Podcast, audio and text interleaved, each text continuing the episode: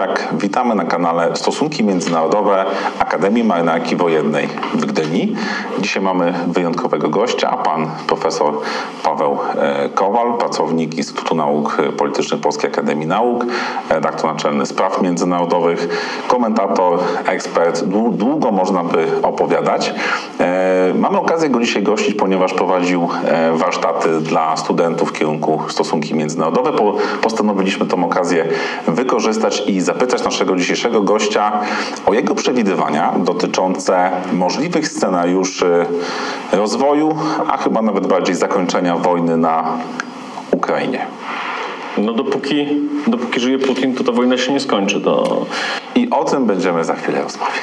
No do, dobrze, w zasadzie, w zasadzie pan profesor od tego, od tego zaczął, więc pociągnę ten temat. Dlaczego, yy, dlaczego dopóki żyje Putin, to wojna na Ukrainie, czy rosyjska inwazja na Ukrainę się nie skończy? No bo pokój według jednej z definicji to jest yy, brak wojny a wojna to brak pokoju, czyli nie da się osiągnąć pokoju mm, na warunkach, które byłyby do przyjęcia dla Putina i które mógłby unieść jakikolwiek rząd ukraiński w, na Ukrainie.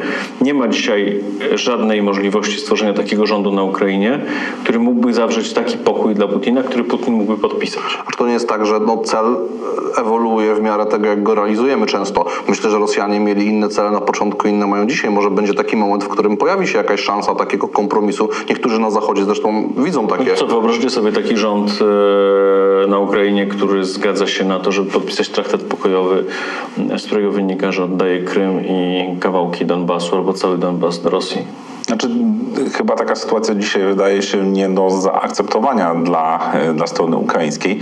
No, Dlatego właśnie zależy nam na takiej ocenie, jak to będzie wyglądało w dłuższej, w dłuższej, czyli możemy, od, możemy odrzucić ten jeden wariant, czyli nie, pokoju nie będzie nie? na razie. Pokoju na razie nie będzie, bo, bo, aż sobie nie potrafię wyobrazić, w jakim złym stanie musiało być państwo ukraińskie, żeby Ukraińcy byli w stanie zaakceptować rząd, który by oddał kawałki Rosji. I nie potrafię sobie wyobrazić, co by trzeba zrobić Rosji, żeby Rosja um, zgodziła się na to, żeby uznać Ukrainę w jej dotychczasowych granicach, chyba że, chyba że usunąć Putina i zrobić i stworzyć jakąś perspektywę przetrwania dla pozostałych.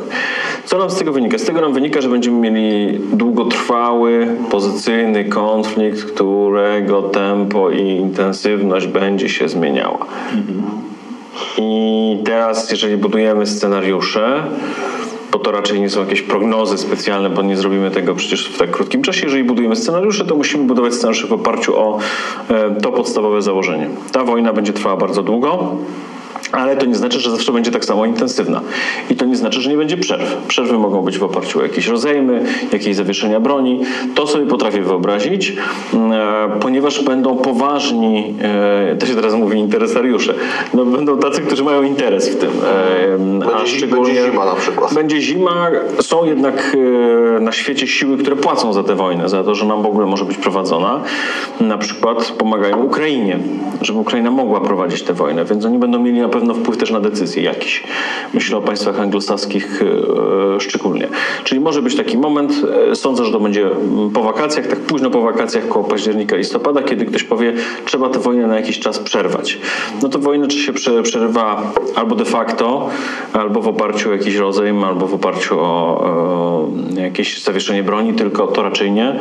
E, więc trzeba szukać scenariuszy mniej więcej oparte o takie opartych o takie rozwiązania. No teraz powstaje pytanie, jeżeli e, zakładamy, że tak, za, zakończenie wojny w, fo, w, formie uzyskania trwałego pokoju jest raczej mało, mało prawdopodobne.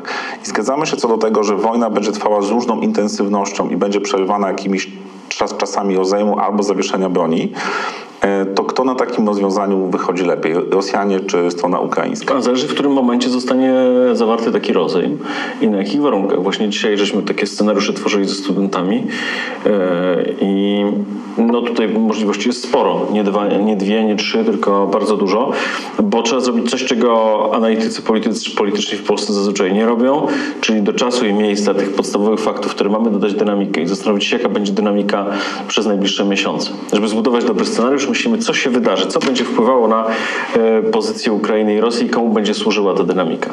E, na pewno e, ważnym elementem będzie fakt zmęczenia wojną na Zachodzie. Bez wątpienia. Musimy to dodać. Będzie na Zachodzie, ludzie będą klikać na portalach pogodę, podróże, już- jedzenie, już- już fitness, nie będą klikać wojny już. Już widać, że te bardziej ideowe portale dopychają informacje wojenne, a tak naprawdę klikają się co innego.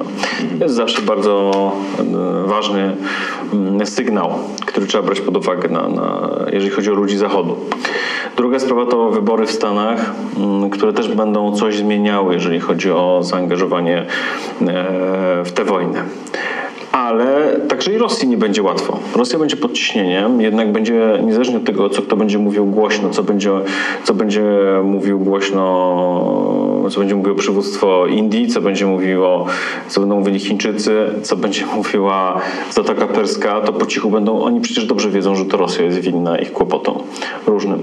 Więc też będą cisnęli Putina. To nie jest takie proste. Putin będzie pod naciskiem e, swojego otoczenia, bo oni się boją, oni dobrze wiedzą, że strategicznie Putin to przegra. Taktycznie to różnie może być, ale strategicznie przegra to praktycznie na 100%. Ale jeżeli Putin to przegra, to oni z nim to przegrają, utracą e, wpływ na imperialne państwo i swoją pozycję w imperialnym państwie. A to już jest poważna sprawa. Także może się okazać nagle, że także po stronie Putina są poważne problemy. I teraz, jeżeli dołożyliśmy tę dynamikę, czyli te różne czynniki, które będą kształtowały sytuację do końca roku, i do tego jeszcze dokładamy ogólną postawę Zachodu, z czego wynika, że będzie wysyłał broń albo nie będzie, no to to nas prowadzi gdzieś do jakiegoś listopada, października z różnymi scenariuszami. No i teraz e, wydaje mi się, że to, co pan profesor powiedział, jest, jest symptomatyczne w jednym momencie, że jeżeli założymy, że Władimir Putin raczej z tej wojny wyjdzie jako przegrany, to jak Ale strategicznie. To może być kompletnie niewidoczne. Jasne, znaczy, znaczy tak, znaczy, yy, znaczy, znaczy ja tej porażki nie rozumiem jako, jako, jako upadek państwa, jako to, że Ukraina, e, nie wiem, będzie w stanie przeprowadzić taką kontrofensywę, żeby nie tylko odzyskać te ziemie, które e, utraciła od lutego bieżącego roku, ale nawet więcej, jeszcze sięgnąć y, po Krym i to wszystko, co się wydarzyło w roku dwa, e, 2014. Pytanie jest takie, Jaki będzie ten punkt, że środowisko prezydenta Putina uzna, że trzeba wykoleić ten pociąg, żeby y, ta porażka y, samego przywódcy Rosji nie pociągnęła ich na dno? To znaczy, żeby oni jako elity mogli się ukonstytuować na nowo w nowym rozdaniu politycznym. Oczywiście. Ale bez nowego, be, bez nowego paradygmatu, bo im chodzi Tak, o to, żeby żeby zostało tak, nowe tak. rozdanie polityczne, ale, ale ciągle Rosja, która może być teoretycznie Czyli można powiedzieć, że wy, wymienia się twarz, wymienia się lider, ale jednak system, Reżim zostaje Tak jest. i Rosja, y, jakby interesy rosyjskie rozumiane kategoriami stref wpływów, ten, zostają, tak? W tym, Tak.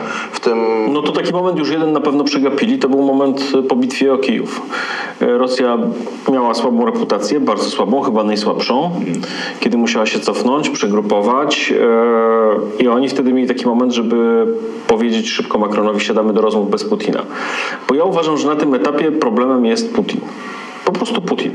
I dlatego wkurza mnie, kiedy dzwonią do Putina, bo mogliby przynajmniej dzwonić do Szojgu. Gdyby dzwonili do Szojgu i do wszystkich wokół Putina, a ich odpowiednicy z Zachodu, to wtedy cały czas trwałby ten proces erodowania mm, systemu w Rosji. A przepraszam, że wejdę słowo. A nie jest trochę tak, że telefon do Szojgu byłby pocałunkiem śmieci dla niego? Nie, bo można wygenerować zawsze jakieś strategiczne na przykład przyczyny, dla których te telefony się odbywają na nieco niższym szczeblu. Tak jak Amerykanie robią. Amerykanie utrzymują kontakt e, operacyjny na szczebel, dwa szczeble niżej. I o, to, jest, to jest do, dobre rozwiązanie, dlatego że ono e, w taki, takimi mikrokrokami izoluje Putina. A przyczyny czy motywy do takich telefonów zawsze się znajdzie, trzeba tylko dobrze wymyślić. Czyli nie zrobiono, to jest inny temat, ale naprawdę wielu rzeczy, które mogłyby wpłynąć na dezintegrację Rosji, nie zrobiono przez te miesiące. Zachód jest e, no, głupi w porównaniu do tego, jaki był Zachód mądry na przykład w latach 80. Bo na przykład takie proste rzeczy. Dlaczego nie, nie nawiązuje się kontaktu z najbliższym otoczeniem Putina? Choćby pod pretekstem, że to jest właśnie właściwe i tak dalej. Dlaczego nie organizuje się kongresów Burjatów, Jakutów e, i narodów nierosyjskich Rosji? Dlaczego nie rozwija się propagandy do tych narodów, pokazującej, że te narody są mm, e, mięsem armatnim Putina? Takich rzeczy prostych, które można by wykonać, na przykład e, in, zwykłej intensyfikacji propagandy po rosyjsku, e, tego nie ma. Też o tym się nie myśli, a Rosja powinna zostać ideologicznie bardzo mocno zaatakowana i powinna być podważona jej e, skłonność, jej, przepraszam, jej zdolność do wypełniania zobowiązań, mówię o elicie rosyjskiej, wobec ich własnych obywateli. Czyli można powiedzieć, że Zachód dobrze przygotował Ukrainę, Zachód właściwie zareagował w lutym bieżącego roku, a teraz nie wykorzystuje szansy, którą Mało zajmuje się Rosją. Zachód w tej wojnie, w tej wojnie za mało zajmuje się, zajmuje się Rosją i być może wytraca szansę. Mhm. Dlatego, że Zachód powinien się skupić na izolowaniu Putina, pokazywaniu otoczeniu Putina, że są inne możliwości, pokazywaniu narodom nierosyjskim Rosji, że są wykorzystywane i osłabiania e, morale, e, dużej akcji propagandowej, jeżeli chodzi o, o samą e, ludność rosyjską, pokazywania alienacji tej elity arystokratyczno-oligarchicznej rosyjskiej od ludzi. Aż to nie jest tak, że gdyby doszło do takiej zmiany i rzeczywiście zostałby wymieniony Путин Putin nie jakoś radykalnie, myślę tu o takim wariancie, jak na przykład Chruszczow został wymieniony, przecież no, nie, nie, nie zginął, tak? E, to yy, czy to by nie oznaczało czegoś złego, gorszego wariantu dla Ukrainy? Chruszczow nie zginął, ale zaginął na wiele lat. No tak, tak. No, no, dokładnie, dokładnie. Przypomnieli sobie dopiero jak trzeba go było pochować. tak, także... tak. No ale lepsze to niż, niż wariant... Znaczy lepiej zaginąć niż zginąć. tak. Yy, niż wariant Berry, tak, nie wiem, wyniesionego w dywanie, nie wiem, no ile to prawda, ale yy, wraca, czy to nie oznacza dla Ukrainy no, negatywnego scenariusza, no bo jeżeli w Rosji pojawia się nowy lider, z którym Zachód siada do stołu, Zachód chcący, siły na Zachodzie, które chcą, grają na status quo się uaktywniają, no i wymusza się na Ukrainie w jakimś sensie pokój, y, no niekorzystny, taki no, dający... Wy, wy, w ogóle, wy wszyscy, bo my robimy wszyscy w dziedzinie, w której nie ma prostych odpowiedzi. Ja wiem, że są tacy, którzy potrafią na wszystko powiedzieć, że to jest proste, nie? To oczywiście nie jest proste, bo jeżeli wartością jest szybkie zakończenie wojny, to jeżeli mnie pytacie o to, co można, jakiego można szukać rozwiązania, żeby szybko zakończyć wojny, to to jest rozwiązanie. Oczywiście to rozwiązanie nie jest optymalne dla Ukrainy, bo dla Ukrainy jest jeszcze lepszy scenariusz, czyli taki, że Rosja się dezintegruje. Czyli na przykład, że, do, że długotrwała wojna i sankcje powodują, że Ukraina wytrwa, a Rosja też wytrwa, ale nie tak długo i zaczną się procesy dezintegracyjne, jak to często bywało w historii Rosji, i że wykruszy się kawałek z Federacji Rosyjskiej na przykład na Kaukazie, chociażby kawalątek, zostanie naruszona ta spójność, to co jest u nich tą świętym jądrem myślenia o imperializmie rosyjskim czyli spójność Federacji Rosyjskiej, no w takich warunkach oczywiście e, dla Ukrainy to byłoby lepsze, dla Ukrainy, Białorusi i tak dalej, i tak. E, jeżeli natomiast wartością jest prostu przerwanie wojny, to najlepszym scenariuszem na przerwanie wojny jest wyłuskanie Putina z systemu, z rosyjskiego systemu władzy za wszelką cenę. Może być to wariant Chruszczowa. Zresztą Putin ma we łbie tego Chruszczowa, bo on mówi, on wraca do Chruszczowa w swoich wypowiedziach i jest coś takiego, co ja bym określił jako kompleks Chruszczowa. Co zresztą jest dość niebezpieczne, ponieważ ten kompleks Chruszczowa jest jednym z czynników, który może w razie czego w tym małym, mało prawdopodobnym scenariuszu, ale jednak prowadzić do użycia broni nuklearnej, tak? tak? Ponieważ kompleks Chruszczowa polega na tym, że on nie użył w obronie Związku Sowieckiego nie użył tego, co miał i za to musiał przegrać. To jest ta opowieść o Chruszczowie. I Putin jest w swojej głowie niewolnikiem tej opowieści. To nie mogę o to nie zapytać. Jak ocenia pan prawdopodobieństwo użycia przez Rosji, no zakładam, że strategicznej nie, bo to oznacza w jakimś sensie globalną wojnę jądrową, ale taktycznej broni jądrowej. Rosjanie taką mają, ćwiczą użycie takiej i ewentualnie jakby to mogło wyglądać. Czy to byłoby uderzenie na NATO, czy, czy na Ukrainę? Oceniam czy... nisko. On, no, to jest używane do straszenia w różnych, e, w różnych e, wypowiedziach Putina. To ryzyko było większe gdzieś w marcu, ale także niskie. Teraz jest myślę, że prawie tak niskie jak e, przed 24 lutego, dlatego że Rosjanie już się osadzili w tych warunkach wojny konwencjonalnej. To ryzyko było największe wtedy, kiedy, mm, ale wciąż małe, co podkreślam, wciąż małe, mniejsze niż by się należało tak bardzo jego bać. Nie? bo mm, tak samo dobrze można straszyć wybuchem wulkanu Yellowstone. On może wybuchnąć oczywiście, ale to nie jest główny czynnik, który powinien powodować całą polityką światową. Choć polityka światowa powinna katastrofy też brać pod uwagę. No tutaj znowu jest tak, ktoś powie niejednoznacznie powiedziane, ale no to tak musi być, że my przechodzimy jakimś tam wąskim yy, korytarzykiem pomiędzy różnymi możliwościami. I teraz wracam do tego. To było, to ryzyko było najwyższe wtedy, kiedy Rosjanie, rzekłbym, nie osadzili się w wojnie konwencjonalnej, kiedy ona im tak bardzo nie szła, że powstawało wrażenie, że nie wiedzą sami, jak ją prowadzić. Teraz oni się osadzili już w, wojnie, w prowadzeniu wojny konwencjonalnej, prowadzą ją w sposób dla siebie dość efektywny w stosunku do tego, co było wcześniej. Oczywiście absolutnie poniżej ich marzeń i oczekiwań, ale ich marzenia i oczekiwania to już wiadomo są mocno wygórowane. Czyli oni ją w tej chwili prowadzą na Don, w Donbasie, prowadzą ją e, w terenie, który znają, gdzie ludność w jakimś stopniu im sprzyja, albo przynajmniej jest skłonna rozumieć ich rację, czyli nie są w tak nieprzyjaznym terenie, jakim było okolicy Kijowa, powiedzmy, czy na północ od Kijowa. Także na tym etapie to ryzyko jest znacznie mniejsze. No właśnie, bo jeżeli, jeżeli mogę wrócić jeszcze do tego e, kompleksu Chruszczowa, który wiemy licytował, e, postawił już na licytację z najwyższej półki.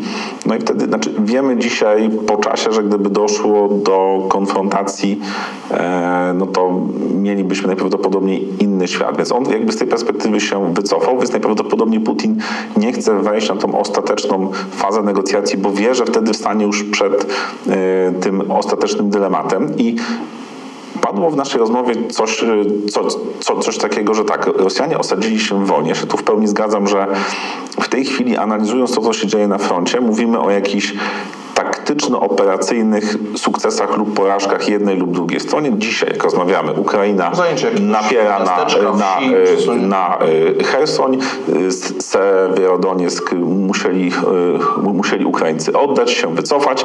Będą pewne przesunięcia, ale front będzie trwał. I teraz na ile Rosja będzie w długiej perspektywie izolowana właśnie z tych państw, o których mówiliśmy, Chiny, Indie, państwa Ameryki, E, Południowej, państwa Bliskiego Wschodu. No bo z drugiej strony mamy Ukrainę, która rzeczywiście na, na ten moment wydaje się równorzędnym partnerem, przepraszam, partnerem, przeciwnikiem do wojny na swoim terytorium, ale jest w pełni uzależniona od tego, co myśmy nazywali umownie Zachodem. Czy to nie jest tak, że Rosjanie grając co długo, wyczekają pęknięcie nie tyle w Ukrainie, co ten Zachód stanie się niejednorodny i nagle będziemy mieli opóźnienia w dostawie sprzętu, będzie brakowało jakiejś amunicji, w sensie, że na Zachodzie zaczną się już gry, gry pod indywidualne e, interesy, a Ukraina w odróżnieniu do Rosji no nie będzie samo, samo wystarczalna, żeby tą wojnę, wojnę. To jest, w przeciwieństwie do, do, do, tego, że wielu ludzi lubi odpowiedzi, odpowiedzi, to jest bardzo proste, to ja wolę odpowiedź, to jest dość skomplikowane. To jest dość skomplikowane, dlatego że to trochę zależy od tego, e, na ile Rosja się odklei od Zachodu teraz. Ponieważ potrafię sobie wyobrazić też taką sytuację i weźmy to najlepiej widać na niemieckiej polityce. No to jest mit, nie, ale to nieprawdziwy mit, że Niemcy potrafią grać tylko z Rosją.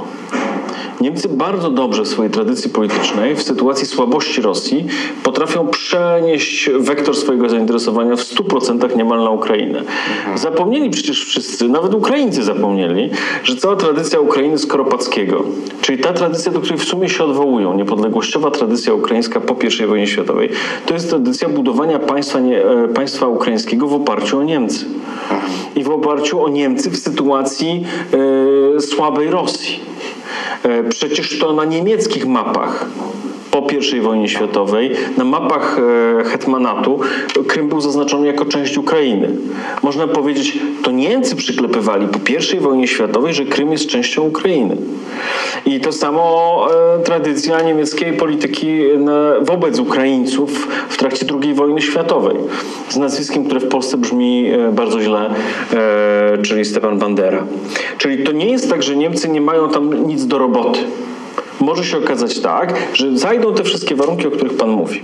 Czyli wojna się będzie przeciągała, wsparcie mm, wojskowe będzie słabe, ale będzie tam żyło ciągle 30 milionów ludzi, mówię o Ukrainie, tak. którzy w części będą obsługiwani przez firmy niemieckie w różnych aspektach. Nie?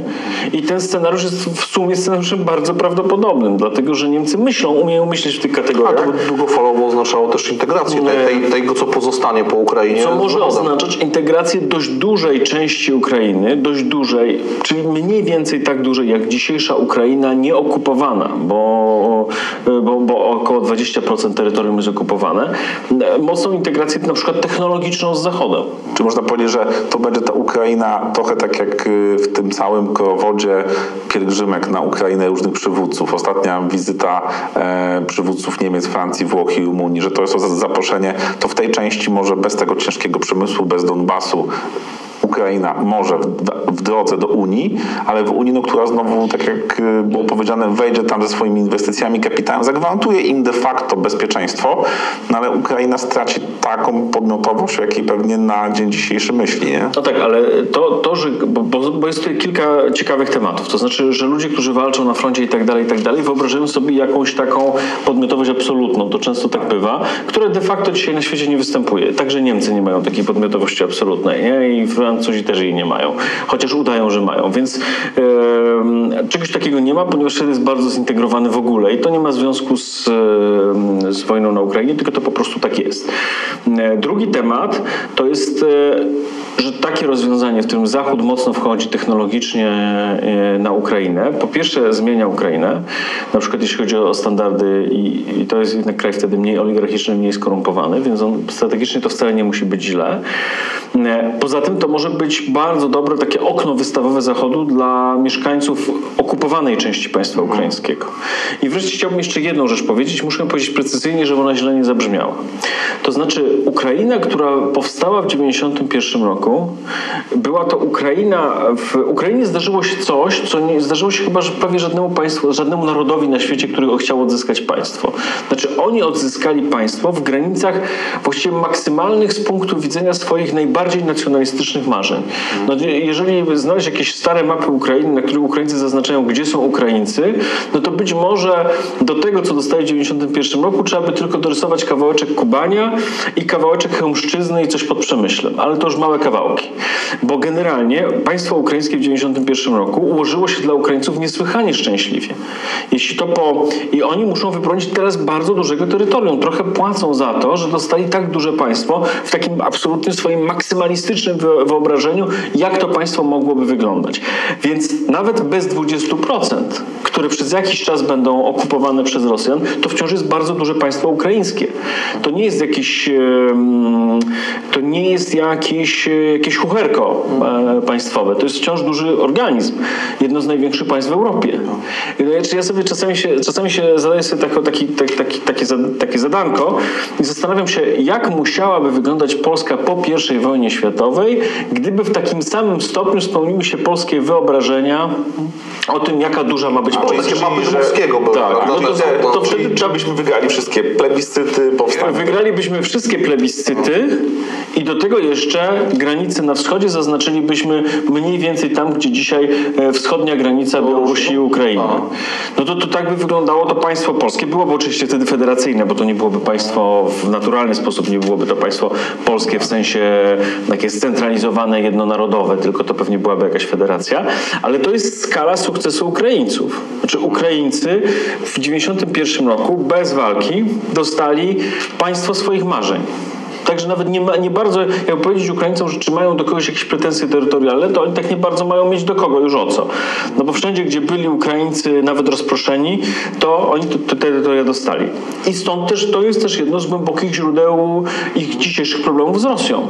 Że Rosja uznała te granice, że Rosja to wszystko przyznała i myśmy to wszyscy wszystko przyznali i teraz oczekujemy od Rosji, żeby dotrzymała słowa, nie burzyła porządku międzynarodowego. Ale dla Ukraińców to oznacza obronę bardzo dużego terytorium, E, no i po prostu oni zapłacą dzisiaj tę krew, e, tak jak zapłacili za swoją wolność Francuzi, Niemcy, e, Belgowie. Okazuje się, okazuje się, że to w ogóle jest tak w historii nieszczęście. Polega na tym, że prawdziwą wolność kupuje się za krew, a nie za pieniądze. I już nam się wszystkim wydawało, że Ukraińcom się uda kupić to, tę prawdziwą wolność za bezkrwawe rewolucje, ale nie. Kupują ją za krew. Tak jest w Europie. To jest jakieś e, brutalne prawo wolności na naszym kontynencie. Czyli może, czyli zgadza się pan z tą tezą, że oni właśnie teraz wykuwa, no, no po- teraz powstaje mit założycielski Ukrainy w zasadzie? Tych mitów będzie więcej, tylko ten będzie najświeższy, bo tak samo te, te mity narastają wraz z walką. Przecież to jest tak, że gdybyśmy rozmawiali, co jest mitem e, założycielskim Polaków e, w, w XIX wieku, to pewnie ktoś powiedziałby, nie wiem, że to jest Konfederacja Barska. Gdybyśmy rozmawiali pod koniec XIX wieku, to powiedzieli powstanie styczniowe. Gdybyśmy rozmawiali mm, w XX latach, powiedzieliby Bitwa Warszawska, a dzisiaj powiedzą powstanie warszawskie, prawda? E, więc dla Ukraińców e, to, co się dzieje, oznacza duże przemeblowanie polityki pamięci, to na 100%. I tak, tego, co Charles Taylor nazywa, bo dzisiaj mamy politologicznie rozmawiać, więc musimy się odwołać do jakichś teorii politologicznych, więc e, wo- odwołajmy się do teorii wyobrażeń społecznych, więc to wyobrażenie społeczne o Ukraińcach przez u- Ukraińców już nie będzie przecież oparte ani o Petlurę, ani o Banderę, tylko będzie o Azow, będzie o e, Mariupol, będzie o, lud- o, o Bucze, o Bitwę Kijowską, o Kliczków.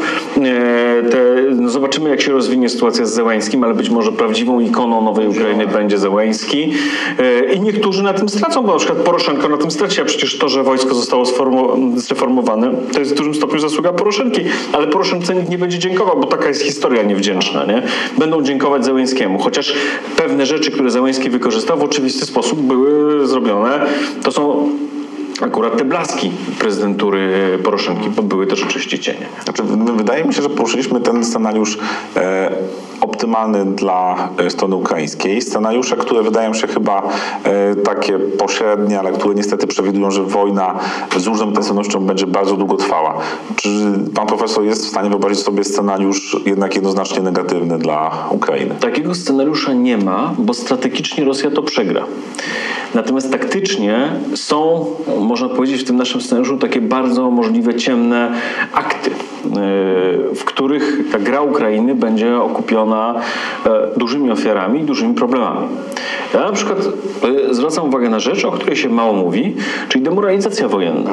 Mówimy jednak o społeczeństwie, które będzie się demoralizowało. Gdzie bardzo trudno utrzymać przy tak dużym dopływie środków zewnętrznych procedury, mm, e, zasady walki z korupcją, taką uczciwość społeczną. W, A później problem tych weteranów, których myśmy przerabiali po, po pierwszej i po drugiej wojnie światowej w Europie. Problem, wete, problem weteranów i ich e, stosunku do nowego państwa, ich roszczeniowości i tak dalej, i tak dalej. To wszystko jest przed nami, czyli Ukraińcy mają przed sobą poważne problemy Mm, i ja myślę, że to będzie najbardziej szkodziło Ukraińcom. Bo widać, że na razie zasoby na wojnę mają, możliwości dostawa, dostarczania broni z Zachodu są. E, Instytucje zachodnie, w tym Unia Europejska, uruchomiły pieniądze i są państwa, które, te, które chcą sprzedawać broń, które umieją wysyłać te faktury do Komisji Europejskiej i te faktury tam już idą, to widać. Więc to wszystko jest. Natomiast e, e, inna jest odporność państwa ukraińskiego na kłopoty w skali dwóch, trzech miesięcy i bardzo dużej mobilizacji i bardzo pozytywnych emocji społecznych, a inna, jeżeli to jest kwestia roku, dwóch, trzech. Czyli taka palestyniz- palestynizacja prawda, konfliktu. Taka. To, znaczy to, to zmienia, to przekuwa sytuację w naszej części Europy dość poważnie w różnych aspektach, bo to zmienia sytuację na Ukrainie. To komplikuje sytuację na Białorusi, bo oni się, ona jest takim wielkim milczącym świadkiem tego konfliktu, o którym się trochę mało mówi, ale to też zmienia sytuację w takich państwach jak Polska, bo to oznacza, że tak, że jeżeli pan mówi, że oni się palestynizują, to my się będziemy w jakimś sensie izraelizować, to znaczy staniemy się państwem o takiej, rzekłbym, twardej demokracji i niech to tak zostanie e, i państwem z bardzo dużymi wydatkami e, wojennymi i państwem z militaryzacją myślenia obywateli. Co akurat w Polsce nie musi być takie złe, bo to ma duże plusy, jeżeli chodzi o e, zdolność do działania grupowego, co w Polsce zawsze było słabością. Nie? Czyli w Polsce konsekwencją tego, co się teraz dzieje, będzie militaryzacja myślenia.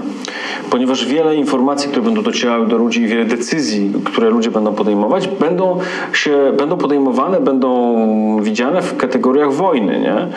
Czyli e, już coraz, to nawet widać właśnie po serwi- to się dobrze obserwuje w mediach społecznościowych, w serwisach informacyjnych, w slangu, w kulturze masowej, kiedy ludzie zaczynają e, brać wojnę jako coś, z czym się żyje na co dzień.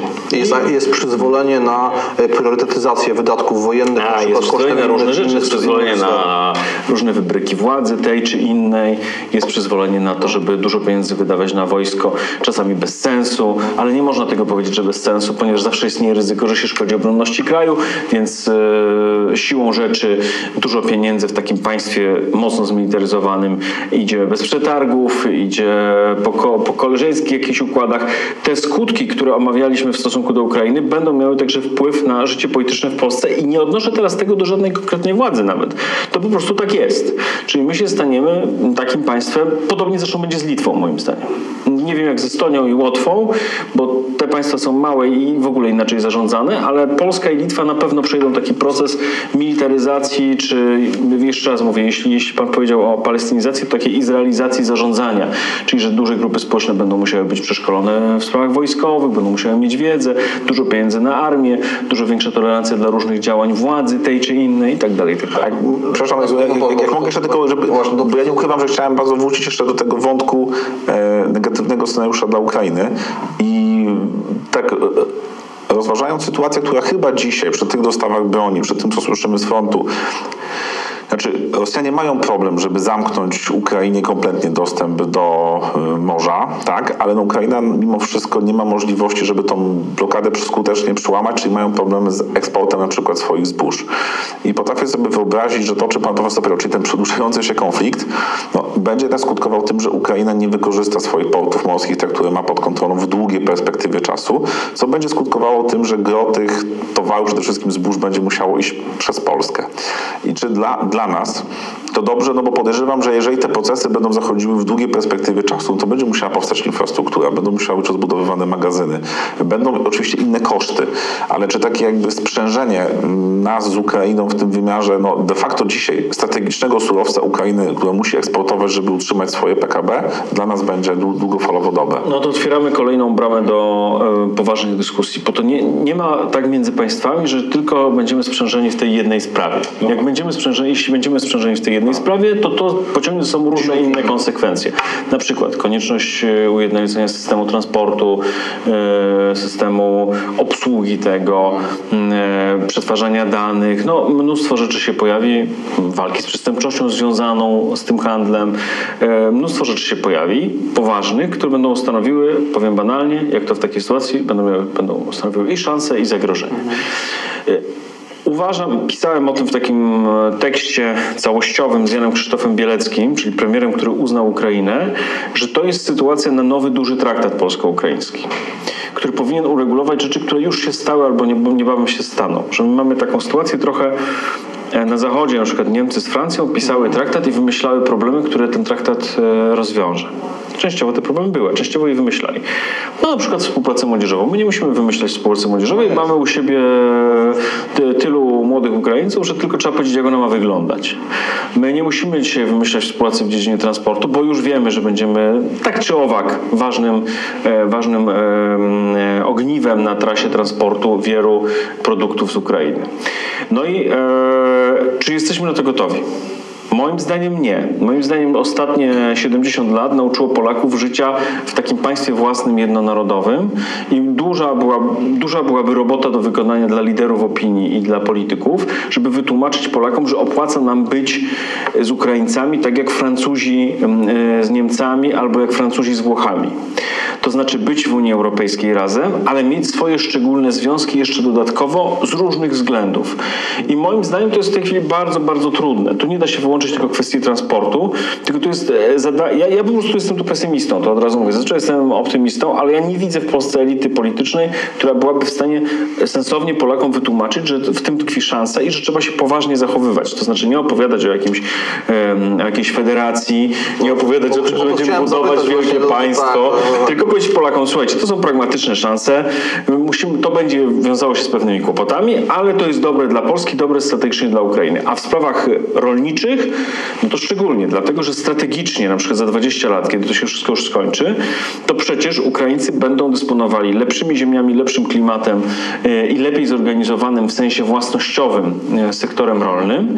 I będą, i to dzisiaj się rozstrzyga sprawa, czy wtedy będziemy na kursie kolizyjnym, czy będziemy konkurować, a czy może będziemy mieli synergię, na przykład poprzez dobre połączenie przemysłu spożywczego z ich produktami rolnymi, bo to nie jest tylko kwestia zboża, to jest kwestia także produkcji mięsa, to jest kwestia ziemniaków, to jest kwestia... Mm, E, też innego podejścia, oddzielna sprawa, do innej struktury rolnej na Ukrainie, w zachodniej części, w Galicji e, i tak dalej, i tak dalej. Tematów jest dużo e, związanych z tym. One są trudne do rozwiązania w jednej rozmowie. Na pewno ja uważam, że lekarstwem na to powinien być duży traktat. Polityczny traktat na miarę traktatu elizejskiego, akwizgrańskiego czy kwirynalskiego. Jakiś taki traktat wilanowski, który pokazywałby, że mamy sprawę, oprócz tego, że Polska bardzo praktycznie, już nie jako tam jakiś adwokat, tylko praktycznie jest na tej drodze i pomaga na tej drodze Ukrainy do Unii Europejskiej, ale jednocześnie traktatowo rozwiązujemy zarządzanie kluczowymi kwestiami, w tym współpracą młodzieżową, służbą zdrowia, epidemia, kwestiami związanymi z, z epidemiami, e, ale także właśnie handlem zbożem. To mógł być wstęp do jakichś innych procesów integracyjnych, o których dzisiaj marzą niektórzy, e, żeby zrobić to szybko. Ja się od tych innych marzeń odcinam, bo one są receptą na nieszczęście w Polsce, dlatego że jak tylko usłyszą na Zachodzie, że ktoś tu ma inne pomysły, to na Zachodzie jest naprawdę dużo chętnych i powiedzą super, to się bawta.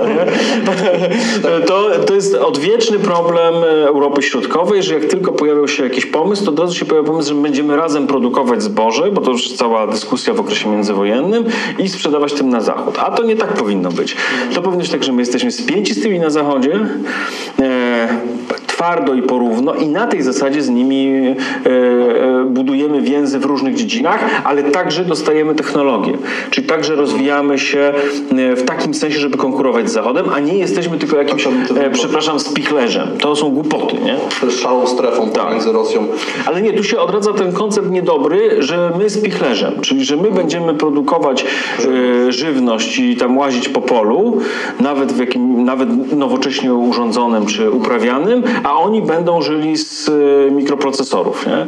To, to nie jest dobry pomysł na e, integrację europejską. To jest pomysł na to, żeby być wieczną peryferią. On w Polsce u niektórych w głowach powstaje i ja ostrzegam, tylko tyle mówię, że sam spotkałem na zachodzie wielu ludzi, którzy teraz zacierają ręce mówią super, bardzo fajny pomysł.